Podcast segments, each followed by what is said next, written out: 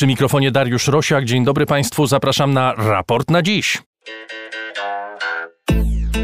Dwa raporty na temat ludobójstwa w Rwandzie w 1994 roku.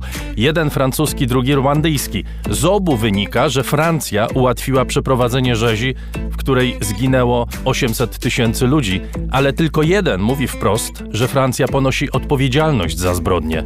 Czy Rwanda i Francja napiszą wspólną historię na temat ludobójstwa Tutsi przed 27 laty? O tym w raporcie na dziś, 5 maja 2021 roku. A raport na dziś to środowa odmiana raportu o stanie świata, programu finansowanego przez słuchaczy. Za każdą wpłatę serdecznie Państwu dziękuję i przypominam o dwóch rzeczach. Po pierwsze, każdy, kto ma ochotę, może przyłączyć się do grona patronów raportu, najłatwiej za pośrednictwem serwisu patronite.pl. A po drugie, raport jest programem otwartym, dostępnym za darmo dla każdego, kto interesuje się światem i innymi ludźmi. Można nas słuchać za pośrednictwem wszystkich dobrych platform podcastowych, choć ja zachęcam Państwa do słuchania nas z naszej strony raportostanieświata.pl. Agata Kasprolewicz jest wydawcą programu, Filip Marcinkowski realizuje. Zaczynamy. Moim gościem jest dziś Konstanty Gebert, publicysta Gazety Wyborczej zajmujący się sprawami międzynarodowymi. Witam, dzień dobry. Dzień dobry.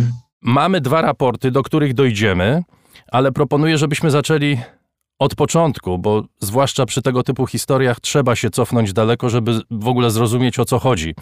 Jest niewielki kraj w środku Afryki, liczący około 12 milionów ludzi. Od dawien dawna zamieszkały przez dwie grupy etniczne. Jedna mniejsza to Tutsi, druga stanowiąca większość Hutu. Jakie były relacje między nimi, zanim przyszli kolonizatorzy? No, po pierwsze, to nie były dwie grupy etniczne. Tutsi i Hutu mówią tym samym językiem, mają tą samą kulturę, wyznają tą samą religię, e, zawierają małżeństwa mieszane. To były grupy społeczne, czy może dokładniej kasty. Można użyć metafory e, z pierwszej Rzeczpospolitej. Pany i chłopy. E, Tutsi byli uprzywilejowani, wszyscy królowie rwandyjscy byli Tutsi. E, I Tutsi byli e, pasterzami, wypasali przepiękne rwandyjskie bydło. E, Hutu byli rolnikami. Ale ruch między tymi dwiema grupami cały czas istniał. Jak rolnik Hutu się wzbogacił i zaczął kupować bydło, to stawał się Tutsi, jest nawet w języku Kinyarwanda specjalny e, zwrot na to, zostać wytuconym, czyli wyniesionym do rangi Tutsiego. E, Tutsi, któremu się nie wiodło, stawał się Hutu i został, zostawał wtedy pochucony, czyli sprowadzony do rangi Hutu. To sugeruje oczywiście bardzo dużą nierówność społeczną. W rzeczywistości jednak to było jeszcze bardziej skomplikowane. Podział na Tutsi i Hutu e, nie był najważniejszym podziałem społecznym w przedkolonialnej Rwandzie. Rwanda dzieliła się na około 20 klanów, w skład klanów wchodzili tak Tutsi, jak i Hutu. Na czele klanów mogli stać tak Tutsi, jak i Hutu. E, I wewnętrzne konflikty rwandyjskie były konfliktami klanów, wojnami klanów, nie zaś wojnami między Tutsi a Hutu. Dochodzimy do czasów kolonizacji. Najpierw to była kolonizacja niemiecka od I wojny belgijskiej. Jaka była rola kolonizatorów powiedziałbym zwłaszcza belgijskich, w kreowaniu napięć pomiędzy tymi dwoma grupami, które określasz grupami kastowymi bardziej niż grupami etnicznymi. I my, jak dziś mówimy o tym, że konflikt z 90. lat czy z 94 ludo, roku ludobójstwo, mówimy o nim, że to było ludobójstwo na tle etnicznym czy na tle plemiennym. Skąd w ogóle się to bierze, tego typu podejście? Z europejskich prób uporządkowania świata, który się po europejsku porządkować nie da. Pierwszym Europejczykiem, który przybył do dzisiejszej Rwandy, był angielski podróżnik i awanturnik John Specky, który przybył do Rwandy i się ogromnie zdziwił, bo zastał tam wysoce zorganizowane państwo. E, król dysponował stałą armią, istniał korpus praw, istniały sądy. Była to organizacja państwowa, jakiej wreszcie środkowej Afryki nie było. I Speki zaczął do, zachodzić w głowę, jak to jest możliwe, że Afrykańczycy mogli wytworzyć tak skomplikowany twór państwowy. No i zwrócił uwagę na to, że Tutsi często są bardzo wysocy, smukli, z pociągłymi twarzami i jaśniejszą skórą, podczas kiedy Hutu są często niżsi, bardziej pękaci, ciemniejsi, kędzierzawi. E, to oczywiście są przykłady skrajne. Większość Rwandyjczyków nie wygląda ani na Tutsi, ani na Hutu, tylko na Rwandyjczyków. Podobnie w Rzeczpospolitej byli tacy, co wyglądali z Pańska, byli tacy, co wyglądali z Chłopska, a większość nie wyglądała ani tak, ani tak. Ale Speki uznał, że to, że Tutsi e, często wyglądają inaczej i że pełnią rolę dominującą, oznacza, że Tutsi przybyli ze skądinąd, na przykład z rogu Afryki, przypominali wyglądem Somalijsów, Erytrejczyków i podbili mniej rozwiniętych, mniej rozgarniętych afrykańskich Hutu. Stworzył całą teorię historii Rwandy, w której Tutsi to są potomkowie Hama, biblijnego Hama, e, Hamici, podczas kiedy e, Hutu to jest po prostu lud negroidalny, który jest poza historią.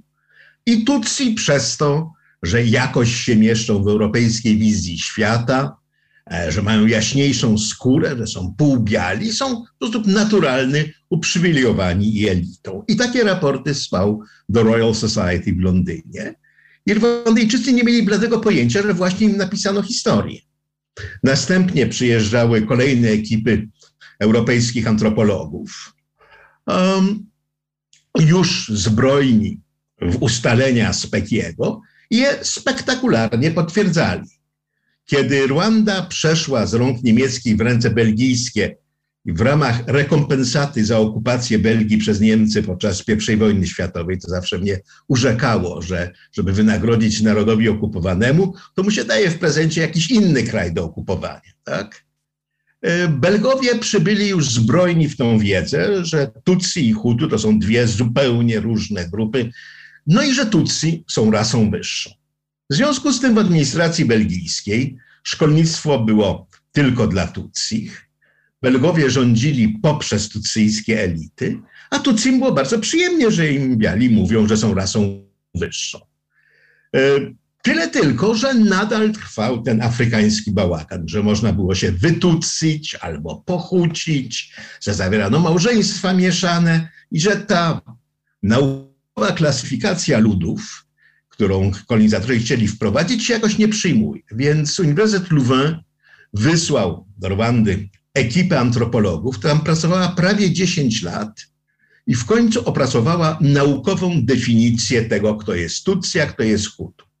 Mianowicie, jeżeli masz 1,85 m albo wyżej, albo 10 krów, albo więcej, to jesteś Tutsi. A jak nie, to jesteś Hutu. Wprowadzono dowody osobiste, do których wpisano raz na zawsze, kto tu jest Tutsi, a kto tu jest Hutu, i nie wolno było tej przynależności zmieniać, żeby w porządny europejski porządek nie wprowadzać afrykańskiego bałaganu. I tak belgijscy kolonizatorzy utworzyli Tutsi i Hutu, przekonani Tutsi, że są klasą wyższą, wręcz rasą wyższą, a Hutu, że są rasą niższą. I tak to się przyjemnie panowało jedni nad drugimi. Aż po II wojnie światowej w Belgii nastąpiła głęboka zmiana społeczna. Flamandzka większość się wyemancypowała spod panowania walońskiej mniejszości, a jako że Rwanda była e, częstym miejscem, do którego jechali drudzy synowie z flamandzkich chłopskich rodzin, pierwszy syn dziedziczył gospodarkę, a drugi syn szedł do seminarium na księdza, no i potem, żeby zrobić karierę, jechał do Rwandy. Ci drudzy synowie wcześniej uciskanych flamandów się bardzo mocno identyfikowali z Hutu, nie z Tutsi.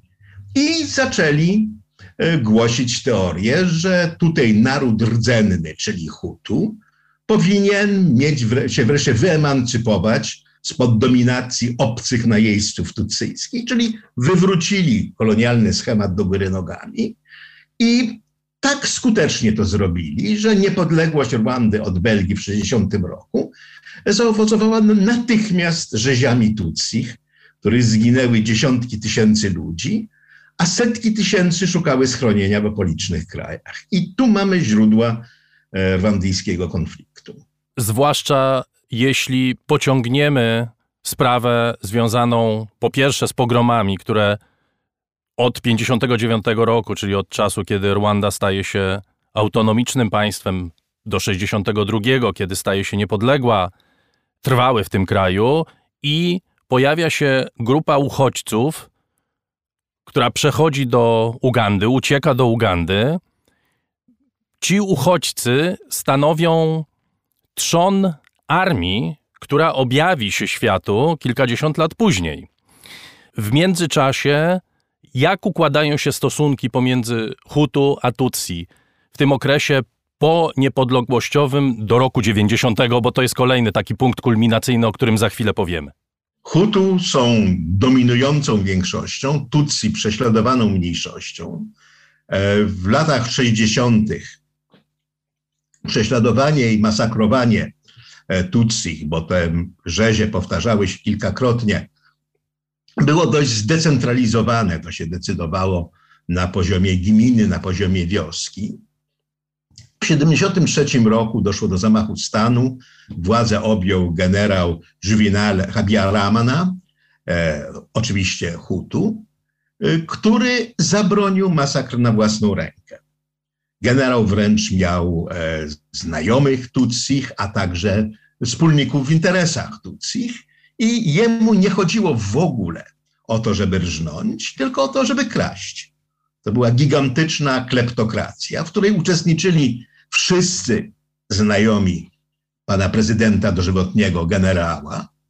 E, rzezie utrudniały rozwój gospodarczy, a więc pan generał rzezi zakazał. Wprowadził natomiast bardzo mocny system dyskryminacyjny. Był określony procent miejsc zarezerwowany w szkołach dla Tutsich a więcej Tutsi do szkół nie przyjmowano i był pewien określony pułap, do którego mogą awansować w instytucjach państwowych, wyżej już nie mogą. Ale w porównaniu z taką codziennością rzezi lat 60., e, to był postęp i Tutsi, rządy Habiaramany wspominają nawet z pewnym rozrzewnieniem. Zarazem w sąsiednim Burundi, który miał strukturę etniczną podobną, to znaczy większość hutyjska, mniejszość tutsyjska, doszło do sytuacji odwrotnej. Zdominowana przez Tutsich armia wymordowała około 100 tysięcy Hutów, którzy usiłowali obalić dyktaturę wojskową e, i utrzymała władzę, uprzywilejowaną władzę tutsyjską. Także dla Hutów w Rwandzie Burundi było znakiem ostrzegawczym. Uważajmy, uważajmy, bo nie daj Boże, jeżeli Tutsi podniosą głowę, to zrobią nam to, co zrobili w Burundi. No i dodajmy, że kiedyś, kiedyś te dwa kraje były jednym krajem, a zatem ta łączność i kulturowa, i polityczna była bardzo silna, bardzo mocno odczuwana. Ta łączność kulturowa zresztą jest szersza. Znaczy, granice afrykańskie wytyczyli kolonizatorzy w sposób, w sposób kompletnie absurdalny. E, a cały region Wielkich Jezior to jest region kulturowo i społecznie wymieszany. E, Tutsi, jak i Hutu mieszkają nie tylko w Rwandzie i w Burundi, ale także w Kongo, w Ugandzie, e, częściowo w Tanzanii. E, granice tutaj nie odgrywały wielkiej roli, bo nie oddzielały niczego oprócz europejskich fantazji imperialnych na papierze rysowanych. Te dekady rządów Habyarimany to jest również dorastanie tego pokolenia, które zostało wyrzucone z Rwandy w 1959 roku. Były kolejne również fale emigracji z, z Rwandy do Ugandy ludzi, którzy zaczęli organizować się w armię. Powstaje Rwandyjski Front Patriotyczny i w roku 90 rozpoczyna on ofensywę na Rwandę z Ugandy. Mamy wojnę, która trwa 4 lata. Ten rok 90 w ogóle był przełomowy. E, po pierwsze, Rwandyjczycy w Ugandzie to były już dzieci uchodźców. Uchodźców, którzy uciekali ratując życie i którzy nie mogli wrócić, bo już ich pola i ich chałupy zajął kto inny. Rwanda jest najgęściej zaludnionym krajem w Afryce. Jak Habiarama namówił, nie możemy przyjąć uchodźców, bo nie ma gdzie ich upchnąć, e, to no, wyrażał także pewną społeczną rzeczywistość. Uchodźcy kołatali do drzwi wszystkich możliwych ambasad, ONZ, organizacji międzynarodowych, domagając się prawa powrotu do domu, e, którego im systematycznie odmawiano. Ich dzieci uznały, że nie ma co kołatać, trzeba zacząć działać. I w Ugandzie, gdzie schroniły się dziesiątki tysięcy Rwandyjczyków, rwandyjskich Tutsi, dołączyli do ruchu powstańczego e, młodego ugandyjskiego przywódcy Museveniego. E, stanowili tam znaczną część jego wojsk, dopomogli mu w obaleniu rządów Miltona Obote i zdobyli doświadczenie wojskowe, które następnie wykorzystali, przekraczając granicę z Rwandą, e, wracając do domu ze swojego punktu widzenia, bądź też, jak to przedstawiały ówczesne władze rwandyjskie, będąc obcą ugandyjską agresją przeciwko drugiemu suwerennemu państwu. Sytuację dodatkowo komplikuje fakt, że w międzyczasie zdarzyła się Solidarność i upadł Związek Sowiecki, co sprawiło, że prezydent Francji zaczął nalegać na kraje afrykańskie, które znajdowały się w orbicie francuskiej, a do nich należy Rwanda, bo choć nie była kolonią francuską, to była po Belgach frankofońska, Mitterrand zaczął naciskać na to, że trzeba tutaj przeprowadzić reformy, wprowadzić demokratyzację, pluralizm, wolność prasy. No bo po tym, jak upadł Związek Sowiecki, naprawdę głupio, żeby po stronie wolnego świata były takie dyktatury. Habiaramana był jednym z tych, którzy usiłowali go przekonać, że się bardzo źle skończy. Ale pan każe, sługa musi. Oni byli bardzo blisko, prawda? To znaczy Habiarimana i Mitterrand to byli osobiści przyjaciele. Jaka była rola Francji w tych latach e, w Rwandzie? Tu powiedziałeś o jednym politycznym aspekcie. Drugi aspekt chyba, który również miał dla Francji znaczenie, to jest to, że Rwanda jest krajem frankofońskim, czy wówczas była. Uganda była krajem anglofońskim. Gdzieś tam odzywały się konfrontacyjne postawy dotyczące właśnie kolonizatorów francuskich, kolonizatorów brytyjskich, Afryki anglofońskiej, Afryki frankofońskiej. To dla Francji również miało znaczenie, prawda? Ogromne i te stare resentymenty odzywały się nie gdzieś tam, tylko w analizach przedstawianych Mitterrandowi, do których dotarła Linda Melbourne, która napisała pierwszą e, wyczerpującą historię tego konfliktu. I dla Francji z jednej strony konieczne było, e, żeby się Rwanda demokratyzowała, by nie przynosić Paryżowi wstydu, a z drugiej strony konieczne było powstrzymanie ekspansji podstępnych e, Anglików, na terytoria no, rodowe Francji. Tego, to się nie mogło dobrze skończyć. Habiaramana miała oczywiście absolutnie rację. Pluralizm polityczny w Rwandzie natychmiast się przekształcił w konflikt etniczny, um, gdzie główną partią, partią pana prezydenta była partia, która się nazywała Hutu Power, nie dlatego, że tutaj wpływy angielskie z Ugandy, tylko już pod wpływem amerykańskiej kultury masowej i która głosiła, że trzeba obronić Rwandę przed podstępnymi karaluchami i nienzi, jak się nazywało Tutsi. E, z kolei e, Rwandyjski Front Patriotyczny, acz zdominowany przez Tutsi, wcale nie był wyłącznie tutsyjski. Walczyli tam też Hutu, czy mieli nadzieję, że jak się obali tego Habiaramanę, no to tak jak mówił prezydent Mitterrand, nastąpi demokracja i wolność.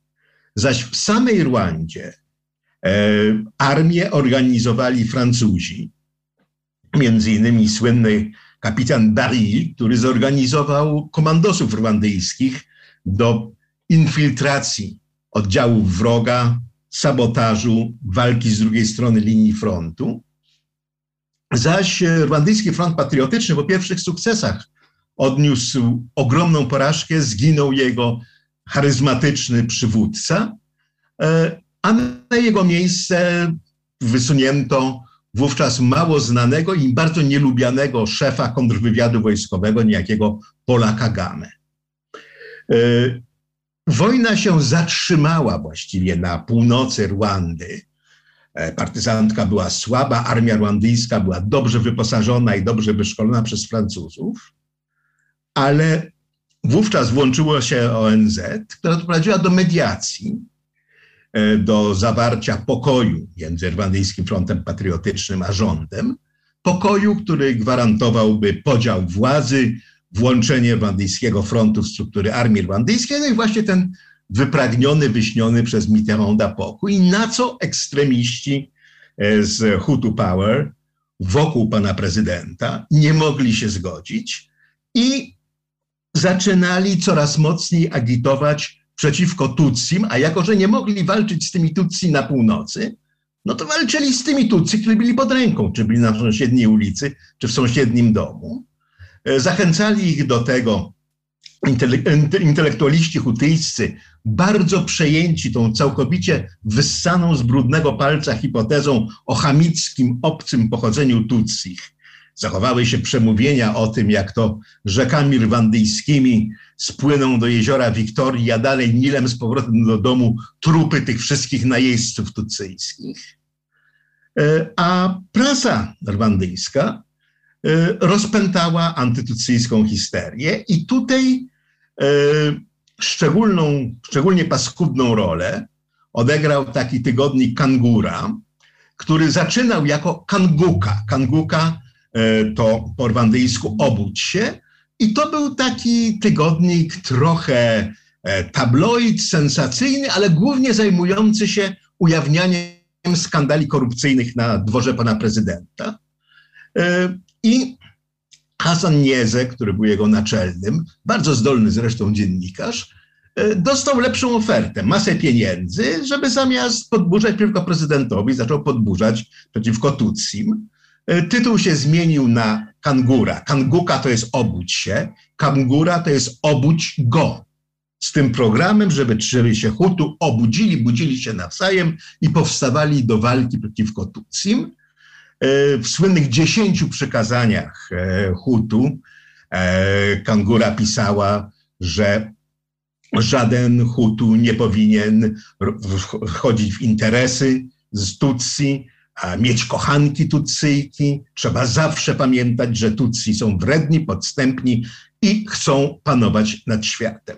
Kiedy w 1994 roku, po zawarciu porozumień z Aruszy pod egidą ONZ, zaczął być wprowadzany ów program pokojowy, który miał kończyć wojnę domową, odpowiedzią rządu rwandyjskiego było zaimportowanie z Chin pół miliona maczet. Jakoś nikt w Chinach się nie zastanawiał, dlaczego kraj, który ma 12 milionów mieszkańców, potrzebuje nagle pół miliona maczet.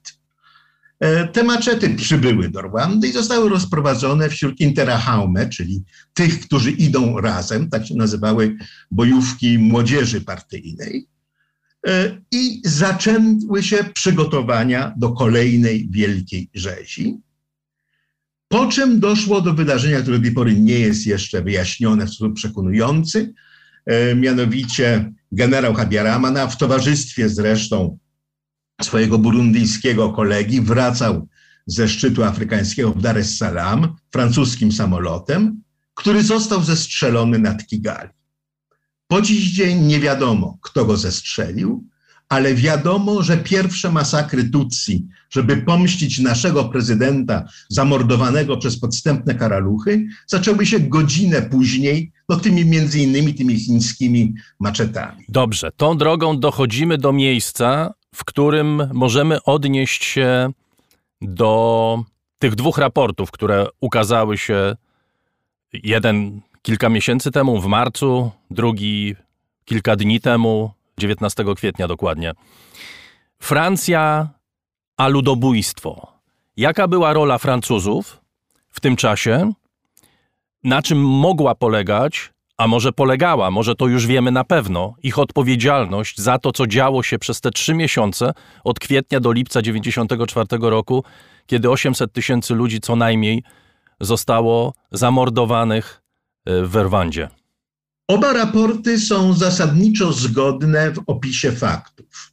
Zarówno raport Komisji Ducreta, francuskiego historyka, e, obstalowany przez Pałac Elizejski, jak i raport obstalowany przez rząd rwandyjski w renomowanej amerykańskiej firmie prawniczej, e, stwierdzają oba te same fakty. Znaczy, armia rwandyjska była wyposażana i szkolona przez Francuzów, w tym zwłaszcza e, jednostki specjalne, które e, miały potem odegrać tak zasadniczą rolę w ludobójstwie. I było jasne, że Francja podtrzymuje reżim Hutu Power przeciwko rwandyjskiemu frontowi patriotycznemu, acz jako adwokat diabła bym dodał, że wszelako reżim Hutu Power był międzynarodowo uznawanym rządem, a rwandyjski front patriotyczny rzeczywiście y, składał się z ugandyjskich obywateli, dzieci uchodźców z Rwandy, którzy przekroczyli w celach wojennych granice. Innymi słowy, Francja miała w świetle prawa międzynarodowego pełne prawo wspierać rząd przeciwko obcej rebelii. I dodajmy jeszcze też gwoli ścisłości i precyzji, że ta wojna była nieprawdopodobnie krwawa i Patriotyczny Front Rwandyjski dopuszczał się zbrodni na y, północy kraju, mordując ludzi, nie wiem czy można to nazwać masowymi mord, mordami, ale mordując regularnie ludzi. Skala mordów popełnionych przez Rwandyjski Front Patriotyczny nadal jest y, nieustalona. Y, większość obserwatorów uważa, że mogli zabić do 40 tysięcy ludzi. Y, jak się wydaje, nie było ze strony dowództwa frontu polityki mordowania, ale też y, zdecydowanie, jeżeli używamy prawnej kategorii odpowiedzialność dowódcza, to jeżeli dowódcy nie wiedzieli o tym, że są rzezie, to powinni byli wiedzieć, że od tego są dowódcami. E, przynajmniej jedna rzeź e, już po zwycięstwie e, w obozie hutyjskich uchodźców w Kibeho, w którym zamordowano od półtora tysiąca do dwóch i pół tysięcy ludzi, z całą pewnością od początku była znana dowództwu frontu. Tyle tylko, że ta skala mordów, tak jak mówię, górna granica około 40 tysięcy, jest nieporównywalna z zaplanowanym ludobójstwem, jakiego się dopuściły hutyjskie władze w, w Kigali. Chociaż każdy mord jest mordem i każdy mord podlega i osądowi moralnemu, i osądowi prawnemu. Wracając do Francji, po, może skupmy się na tym, co Francuzi robili, czy wojska francuskie w czasie rzezi, a zwłaszcza potem, bo tutaj też jest bardzo ważny, istotny element, co działo się z ludźmi, którzy byli oskarżani o organizowanie tych rzezi i je organizowali, a potem z Rwandy uciekli przy współudziale Francuzów. Tutaj są trzy elementy. Pierwszy, który już wymieniłem, czyli szkolenie, wyposażanie i także dofinansowywanie armii rwandyjskiej. Drugi to operacja Amarilis w pierwszych dniach ludobójstwa. E, w Kigali lądują francuscy komandosi i ewakuują białych. Nie ewakuują Tutsich. E, były przypadki, że w małżeństwach mieszanych zabierano tego z małżonków, kto miał obywatelstwo francuskie, a tego drugiego czy tą drugą pozostawiano, chociaż było jasne, co się z nimi starzy. E, podobnie postąpi, postąpili Amerykanie, Brytyjczycy i Belgowie. To jest wspólna hańba, ale francuski udział w operacji Amarilis był największy. Y, następnie te oddziały specjalne po ewakuacji białych się wycofały. Y, tak długo, jak długo trwała rzeź, trwały międzynarodowe konsultacje na temat tego, co robić, y, przy wspólnej nadziei wszystkich konsultowanych, że nie zrobimy nic. Amerykanie byli świeżo po katastrofie w Mogadiszu i naprawdę nie chcieli nowej interwencji afrykańskiej. Francja robiła co mogła, żeby sabotować próby e, interwencji przeciwko było nie było zaprzyjaźnionemu rządowi. A kiedy się okazało, że zaprzyjaźniony rząd jednak pada pod ciosami ofensywy Rwandyjskiego Frontu Patriotycznego, e, Francuzi z mandatem ONZ-u zresztą, a jakże, e, wylądowali w zachodnio-południowej Rwandzie w ramach operacji Turkus, zajęli mniej więcej jedną piątą terytorium kraju. I stworzyli miejsce, do którego mogły uciekać zaprzyjaźnione władze. 2,5 miliona Hutu uciekło wówczas z Rwandy do Konga, obawiając się tucyjskiego odwetu. Ich ucieczkę umożliwiło to, że te, to terytorium pograniczne e, było pod kontrolą e, Francuzów z operacji Turkus. Punktem spornym jest to, czy Francuzi e, tolerowali działania ludobójcze na terenie, który kontrolowali, czy też nie. Tutaj raport francuski i irlandyjski się różnią. Francja twierdzi, że nie tylko, że Francuzi nie uczestniczyli w rzeziach Tutsi, ale wręcz je powstrzymali swoją obecnością w ten sposób uratowali ludzi. Raport e, na zamówienie rządu rwandyjskiego oskarża Francję o odwracenie z głowy, o udawanie, że nie widzą rzezi. Ja rozmawiałem w Butarę ze świadkami, którzy mówili, że na posterunkach kontrolnych, gdzie wyciągano Tutsi, by ich mordować, stali Francuzi i pomagali e, oddziałom rządowym i bojówkom Interrahaume. E, rozmawiałem ze, z ofiarami gwałtów, które, których mieli uczestniczyć też wojskowi francuscy. E, tutaj te raporty się różnią. A dlaczego one się różnią? To znaczy, jeżeli popatrzymy na, na te sformułowania, to one są również w raporcie francuskim bardzo daleko idące. Tak. Bo tam jest zdanie, które mówi: Francja ponosi poważną, przytłaczającą odpowiedzialność w związku z rzeziami, była ślepa na przygotowania do rzezi. Nie pojawia się sformułowanie, które wydaje się w takiej sytuacji logiczne, mianowicie, że ponosi przynajmniej częściowo odpowiedzialność za ludobójstwo. Ten raport rwandyjski z, z kwietnia mówi, że rząd Mitterranda ponosi istotną odpowiedzialność za ułatwienie ludobójstwa, które można było przewidzieć. Gdy porównujemy te słowa, od tych sformułowań zależy bardzo wiele, ale co tak naprawdę zależy? Dlaczego Francja nie chce jasno powiedzieć, owszem, ponosimy choćby częściową odpowiedzialność za to, co się stało w 1994 roku w, w Rwandzie, za ludobójstwo, które tam się wydarzyło? Ludobójstwo jest zbrodnią międzynarodową, która się nie przedawnia. Jeżeli Francja uznałaby, że chociaż w niewielkim stopniu jest wspólniczką, no to otwiera drogę do roszczeń karnych. I materialnych. I materialnych, na które Francja się nie zgodzi.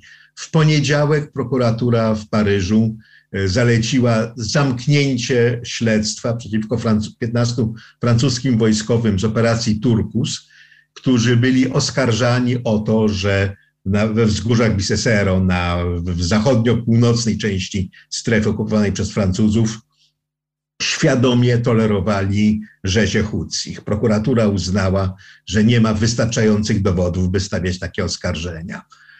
I tutaj jest ta fundamentalna różnica między tymi dwoma raportami. Co do faktów są one zgodne. Natomiast to, że Francja wspierała legalnie istniejący rząd, to, że dała pierwszeństwo w ewakuacji swoim obywatelom i nie troszczyła się o nikogo innego, czy to, że umożliwiła ucieczkę z Rwandy e, 2,5 milionom Hutu, e, a nie interweniowała w kwestii mordów Tutsich, to mogą być czyny moralnie naganne, ale nie podlegające sankcji karnej. Jeżeli by Francuzi się przyznali, że poszli ten krok dalej, wiedzieli, że jest rzeź i odmówili interwencji, w prawie, prawie francuskim e, jest przestępstwo nieudzielenia pomocy osobie, która jest zagrożona. E, w prawie międzynarodowym, tak jak powiedziałem, ludobójstwo się nie przedawnia. I tu mamy mm, rozwiązanie zagadki, dlaczego te raporty różnią się, mimo że się nie różnią co do faktów, różnią się co do wniosków, prawda? No bo Rwanda jasno może stwierdzić e, bez e, żadnych e, jakby konsekwencji, że Francuzi byli winni ludobójstwa, a Francja tego nie może zrobić ze swojego punktu widzenia. Mówię bez konsekwencji oczywiście prawnych, natomiast konsekwencje polityczne zapewne są i chciałbym, żebyśmy na koniec porozmawiali trochę o polityce, bo zaczynając od 1994 roku oczywiście, przez wiele lat nie było realnie rzecz biorąc prawie żadnych kontaktów między Rwandą a Francją. Była otwarta wrogość. Rwanda stawała się pod rządami Pola Kagame pupilem krajów anglosaskich, kolejnych prezydentów, biznesmenów z, ze Stanów Zjednoczonych, y, y, postaci publicznych z Wielkiej Brytanii.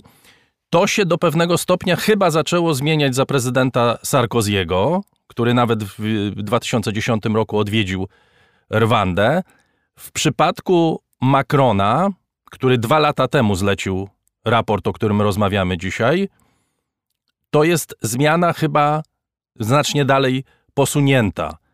Jakbym mógł Cię prosić o, o, o powiedzenie, dlaczego w ogóle dochodzi do takiej zmiany, z, zarówno z punktu widzenia Francji, jak i z punktu widzenia Rwandy. Czego chce Francja, czego chce Kagame? Słusznie przypomniałeś, jak głęboka była wrogość. Należy przypomnieć, że francuski sędzia śledczy e, oskarżył mm, kierownictwo Rwandyjskiego Frontu Patriotycznego o zestrzelenie prezydenckiego samolotu, a e, rwandyjska minister była nawet aresztowana w Strasburgu w związku z tym. E, zaś Rwanda przeprowadziła swoje własne dochodzenie, w którym oskarżyła e, Francję o krycie sprawców zestrzelenia samolotu. E, odwilż nastąpiła rzeczywiście e, po wizycie Sarkoziego i to, że powstały dwa raporty, było poniekąd takim próbą zabezpieczenia się Rwandy przed odmową, kolejną odmową Francji przyjęcia chociaż części odpowiedzialności za to, co się zdarzyło. E, Kagame się spodziewał, że raport francuski będzie wybielał Paryż. Natomiast to, że co do faktów nie ma sporu, było takim zaskoczeniem w Kigali, e, że raport francuski został powitany z dużym uznaniem i raport rwandyjski moim zdaniem nie będzie używany do tego, żeby wysuwać pod adresem Paryża jakiekolwiek roszczenia bowiem z jednej strony Francja usiłuje jakoś dojść do ładu ze swą e, przeszłością kolonialną. E, to było to, co Macron mówił o francuskiej obecności kolonialnej w Algerii. To są negocjacje w sprawie zwrotu przynajmniej niektórych dzieł sztuki afrykańskiej zagrabionych przez francuskich kolonizatorów w Afryce. E, I Macron, który staje do wyborów, gdzie jego głównym rywalem będzie pani Marine Le Pen, e, usiłuje zapewnić sobie poparcie lewicowej części francuskiego elektoratu, która nie ma szczególnych powodów, żeby na niego głosować. E, I chce pokazać, że zmienia Francję w kierunku większej otwartości i większej odpowiedzialności za przeszłość. Natomiast Rwanda przestała już być pupilkiem e, Międzynarodowego Funduszu Walutowego Waszyngtonu i Londynu, e, ponieważ rządy Kagamego przekształciły się w dyktaturę sprawną, skutecznie zarządzającą, mniej krwawą niż regionalna norma, ale tym niemniej paskudną i momentami morderczą. I Kagame rozpaczliwie potrzebuje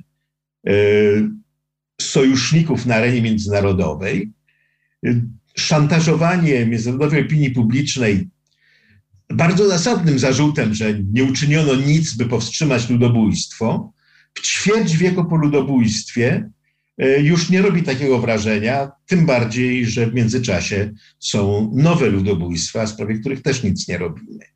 Więc Kagame potrzebuje nowych patronów, a Macron potrzebuje kogoś, kto wyrazi mu uznanie, że rozlicza Francję ze swojej przeszłości. W związku z tym nie będzie żadnego rwandyjskiego postępowania przeciwko Paryżowi. E, a oba te raporty rzeczywiście pozwalają nam lepiej zrozumieć, co się wydarzyło. Z ostatecznymi wnioskami musimy poczekać, aż opracowane zostaną odtajnione już przez Macrona wszystkie dokumenty z czasów Mitterranda tyczące się Francji. Normalnie we Francji takie dokumenty pozostają utajnione przez dziesięciolecia. Macron tu zrobił wyjątek. Acz trzeba pamiętać o takim zdjęciu z ambasady francuskiej w Rwandzie e, tuż przed upadkiem e, rządu hutyjskiego, gdzie całe pokoje od podłogi do sufitu wypełnione były pociętymi strzępkami e, oficjalnych dokumentów. Dokumenty Mitterranda zostaną odtajnione. Nie wiemy oczywiście, czy będzie to wszystko, co należałoby ujawnić, żebyśmy do końca wiedzieli, jaką rolę Francja odegrała w Rwandzie. Jeszcze na koniec może taka refleksja, czy cała ta historia nie pokazuje, jak trudno i jak czasami okazuje się to niemożliwe pogodzić prawo z potocznym poczuciem sprawiedliwości czy rozumieniem sprawiedliwości. Ja się odniosę do niedawnego oświadczenia prezydenta Stanów Zjednoczonych w sprawie ludobójstwa Ormian, przedstawianego jako przełomowe, ale co to za przełom, skoro w tym oświadczeniu nie pojawia się słowo Turcja? Władze otomańskie, władze osmańskie dokonały ludobójstwa. Zostało ono tak sformułowane po to, zapewne, żeby nie antagonizować Turcji bardziej niż do tej pory jest ona zantagonizowana wobec Stanów Zjednoczonych. Czy my gdzieś przy tego typu odnoszeniu się do historii dochodzimy do miejsca, w którym rozumiemy, jak trudno w ogóle poradzić sobie z tego typu E, problemami jak ludobójstwa, do których przecież dochodziło od końca XIX wieku w historii ludzkości. E, ja bym się Bidena nie tylko nie czepiał tego, że mówi o Imperium Otomańskim, nie o Turcji, ale wręcz go za to pochwalił. Bo to Imperium Otomańskie dopuściło się tej zbrodni, nie Turcja, która jest sukcesorką. Turcja jest winna tego, że na temat tej zbrodni kłamała, a zbrodniarzy kryła ale Turcja tej zbrodni nie popełniła. I to, że Biden nie wymienił Turcji w swoim oświadczeniu, daje jakiemuś przyszłemu rządowi tureckiemu szansę na próbę wyjścia z tej pułapki, którą poprzednie tureckie rządy się wpędziły, e, odmawiając uznania rzeczywistości. Co zaś się sprawiedliwości tyczy, to jeden z sędziów amerykańskiego Sądu Najwyższego bardzo przytomnie powiedział, na sali sądowej nie należy się spodziewać sprawiedliwości. Jeżeli będzie tam prawo, to to już jest duży sukces. Nie ma sprawiedliwości, zwłaszcza nie ma sprawiedliwości po ludobójstwie. Czy co należałoby zrobić, żeby ofiary ludobójstwa poczuły, że została przywrócona sprawiedliwość? Nie ma czegoś takiego. Natomiast jest prawo prawo, które umożliwia osądzenie sprawców. I jedną z konsekwencji francuskiego raportu e, jest to, że został we Francji aresztowany Felicien Kabunga, rwandyjski uchodźca po upadku rządów e, Hutu, bardzo wzięty biznesmen, który sfinansował te pół miliona chińskich maczet. I on stanie przed sądem, zostanie skazany na jakąś karę więzienia zapewne, przynajmniej ofiary ludobójstwa będą wiedziały, że prawo przestało być bezczynne. Podobnie to, że rząd federalny oficjalnie uznał ludobójstwo Ormian za ludobójstwo, umożliwi wnoszenie spraw o odszkodowania przed amerykańskimi sądami, które do tej pory y, skargi amerykańskich Ormian, potomków rzezi, ofiar rzezi, E, odrzucały, twierdząc, że ludobójstwo nie zostało uznane za ludobójstwo przez władze federalne. Wobec tego nie można posługiwać się tutaj e, przepisem o nieprzedawnieniu. Teraz już będzie można. I takich spraw przeciwko e, władzom tureckim bądź dzisiejszym dysponentom zabranych ofiarom ludobójstwa domów i ziem będzie więcej. Uda się przywrócić trochę prawa na sprawiedliwość bym nie liczył. Dziękuję bardzo. Konstanty Gebert, publicysta Gazety Wyborczej, był gościem raportu na dziś. Dziękuję. Dziękuję. Zapraszam serdecznie na sobotę na raport o stanie świata, a zaraz potem w poniedziałek raport o książkach, który poprowadzi Agata Kasprolewicz. Agata, Filip Marcinkowski, Dariusz Rosiak, dziękujemy Państwu za dziś i za wszystko.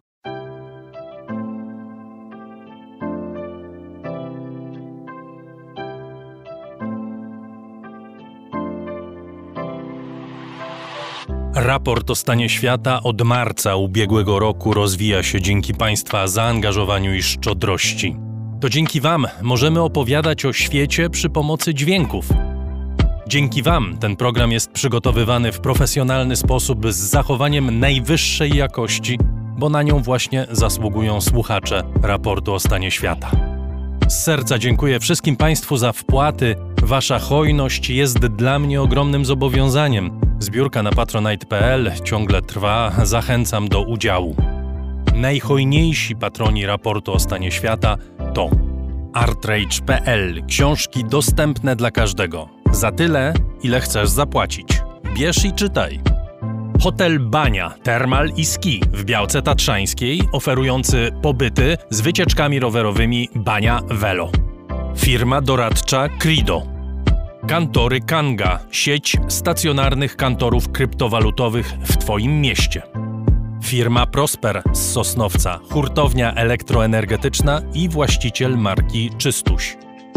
Firma Venterm z Niepołomic, generalny wykonawca instalacji sanitarnych i odnawialnych źródeł energii. Magda Kras-Gorzkowska, właścicielka marki Miłomi Beauty, najmilszego day spa w Pruszkowie i okolicach www.miłomibeauty.pl Catering dietetyczny Lightbox, oferujący dietę pudełkową z wyborem potraw z różnych kuchni świata. Michał Małkiewicz, firma Software Mill, od zawsze zdalni programują dla całego świata. Dom wydawniczy Muza, bo świat nie jest nam obojętny. Firma Surfshark, dostawca sieci VPN, narzędzia, które zapewnia prywatność i bezpieczeństwo w sieci. Uber, myślimy globalnie, działamy lokalnie. A także firma Ampio Smart Home. BIMV.pl, kursy online dla inżynierów. Grupa brokerska CRB, ubezpieczenie należności dla Twojej firmy. Bezpłatne porównanie ofert www.grupacrb.pl Mariusz Drużyński. Salony meblowe Faster, Zełku i Białego Stoku wspierają piękne wnętrza. Agata Fischer. Galmet Polskie pompy ciepła. Palarnia kawy La Cafo z Augustowa. Gosia i Michał Kowalczewscy. Alan Meller. Aplikacja Moja Gazetka Polska proekologiczna aplikacja zakupowa z gazetkami promocyjnymi i nie tylko. Moja gazetka. Kupuj mądrze. Paweł Nowy Nowak. Wydawnictwo SQN. Wydawca reportaży Mecz to Pretekst i Republika Samsunga. Drukarnia cyfrowa totem.com.pl. Dla nas książka zasługuje na najwyższą jakość. Fundacja Wasowskich, opiekująca się spuścizną Jerzego Wasowskiego i wydawca książek Grzegorza Wasowskiego. Szczegóły na wasowscy.com. Dziękuję bardzo. To dzięki Państwu mamy raport o stanie świata.